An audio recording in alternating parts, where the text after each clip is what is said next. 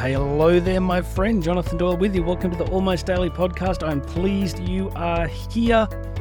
If you like what you hear today, hit that subscribe button. You can also find me on Instagram at Jonathan Doyle Speaks. Oh, no, it's not Jonathan Doyle Speaks, it's J Doyle Speaks. It's even simpler. J Doyle Speaks at Instagram. You can find me there. Everything else is on the website, jonathandoyle.co. I have got something for you today that I hope is going to be really useful did you get a chance to listen to the last episode I did just a couple of days ago? Talked about self sabotage. It is such a fascinating topic. I think it's the topic. I think it explains so much of what's going on for so many of us. So if you haven't heard that, go check out that uh, latest episode on self sabotage. Listen, today I want to remind you of something that you may have stopped paying attention to, and it's quite helpful. I want to remind you of the relentlessness of life itself. You see, once you decide that you want to grow and that you want to develop and that you want to achieve, experience, contribute more in this world, what you're going to discover over time is that life never backs off.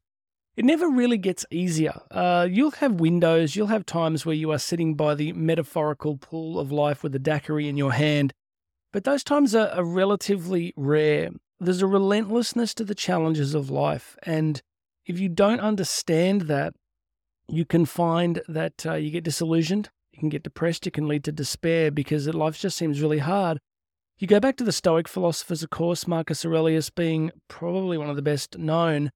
This idea that life's difficult, and what you can control is how you approach it, how you conceptualize it, and how you respond to it.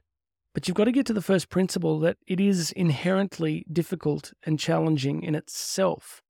One of the reasons I like running sort of ultra marathon distances is because some because I'm insane. Because the pain is relentless and it doesn't stop. And people are like, how do you run that? How do you run 50K, 60K more? How do you do it? Well, um, the question is, can you take one more step? I heard someone talking about this recently. Can you take just one more step? Who was an ultra, really famous ultra runner, and they're like, well, if you can take one more step, you you almost always can it's pretty rare that things are so bad that you literally physically can't put one step in front of the other. So, one of the things about this kind of training and this running is that it just conditions your mind and your body to accept difficult, hard things over a long period of time. So, I don't want today to be a disillusioning message. I just want to prepare you and remind you that if you are trying to make something of yourself, if you are trying to improve and develop as a person, life is going to keep punching back. It's just this side of heaven, it is always going to be challenging. Now, balance that, as I said, with seasons of growth, seasons of joy, seasons of blessing.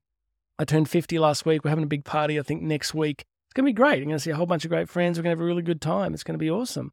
So there's these, you know, these windows, there's these times of joy and enjoyment but let's not forget that a lot of days it's just going to be grind, right? Come back to some of the great literature. Look at Lord of the Rings, of course. You know, we, we find this difficult, challenging journey that the protagonists undertake. But then there's that break that they get two times, actually. They get a break in Rivendell, and then they get a break in Lothlorien. And it's a great sort of metaphor for there's a difficult, hazardous, journey that they face with lots of you know genuine threats and danger but then they get these little windows of recovery. So my reminder for you today is that what would you do if it never got easier? What would you do if it was always going to be challenging? And i think for many people it leads to despair. I think one of the reasons people struggle a lot with despair and possibly even depression is because they can experience life as relentlessly difficult and there's a sense that it's never going to get better and it's always going to be like this. I get that, I understand it, but one way around that is to come to a place where you do accept that it's never going to get easier. That you go, right, it's it's hard, it's difficult. I think this is one of the reasons even Jordan Peterson's been quite successful, right? Because he's he's named this, he's called it out. He said, you know what, it's tough, it's hard to discipline yourself, to do hard things. There's, there's pain, there's difficulty, there's suffering. But there's this kind of operative principle in the universe that if you go through the seasons of difficulty and hardship, there always seems to be rebirth and growth. Do you not see it in the structure of reality itself? If you look at, you know, forest fires, we get tons of them here in Australia. We're coming into a hot summer again. You know, you get these devastating fires, you get this sort of destruction, but what we would probably call creative destruction because, you know, we had huge fires here a few years ago, not that long, like really insane. I remember riding my motorbike almost a year later, through where those fires had been, and it was like literally a moonscape. It was it had gone from being this vast forested area to this complete. It was like riding through a completely different world. And if I took the bike up there today, it's almost the same as it was before the fire. It's amazing how things regenerate. So you can see these seasons, right? These seasons of growth, destruction, fire, rebirth. So accept them. Accept that things are going to be difficult sometimes. Accept that life is not going to be easy this side of heaven. We are going home. We're on a journey towards heaven. But until then, it's going to be difficult. So I guess your choice is to collapse into resistance and despair or to embrace the difficulty and say, right, this is hard. This is not what I wanted. This is not my preference, but I will endure and I will grow through it. All right. It's a simple shift in mindset to accept the world as it is, to accept reality as it is, and to make the very best of it that we possibly can on a daily basis. So be encouraged. This is an encouraging message for you. Whatever you're facing today, you might have parenting problems, relationship problems, marital problems, financial problems, business problems, health problems. Friends, there is no monopoly on problems. You know, one of the things I used to joke about with my um with my father was that he would you know, I'd say I got a problem and he he was like, "You got a problem? Let me tell you about my problems." He was always supersizing my problems uh, you know, no matter what problem you have, we you could have worse, and people do have worse.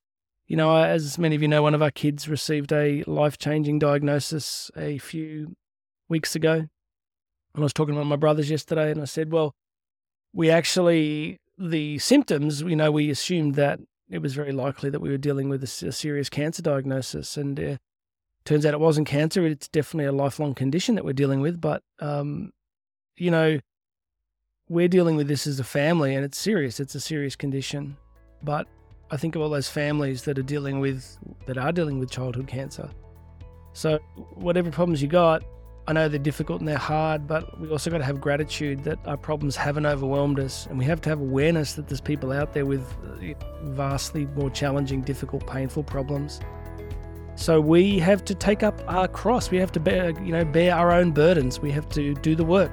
We have to do the work of carrying our own burdens through this life, not letting them destroy us, letting them help us grow and develop into the people we were created to be. So be thankful for your problems. Be thankful that life's hard because this is a sharpening process. It is making you stronger, better, faster, bigger, more if you will step into the furnace. Get after it, my friends. My name is Jonathan Doyle. Everything is on the website, jonathandoyle.co.co. God bless you, my friend. You and I are going to talk again very soon.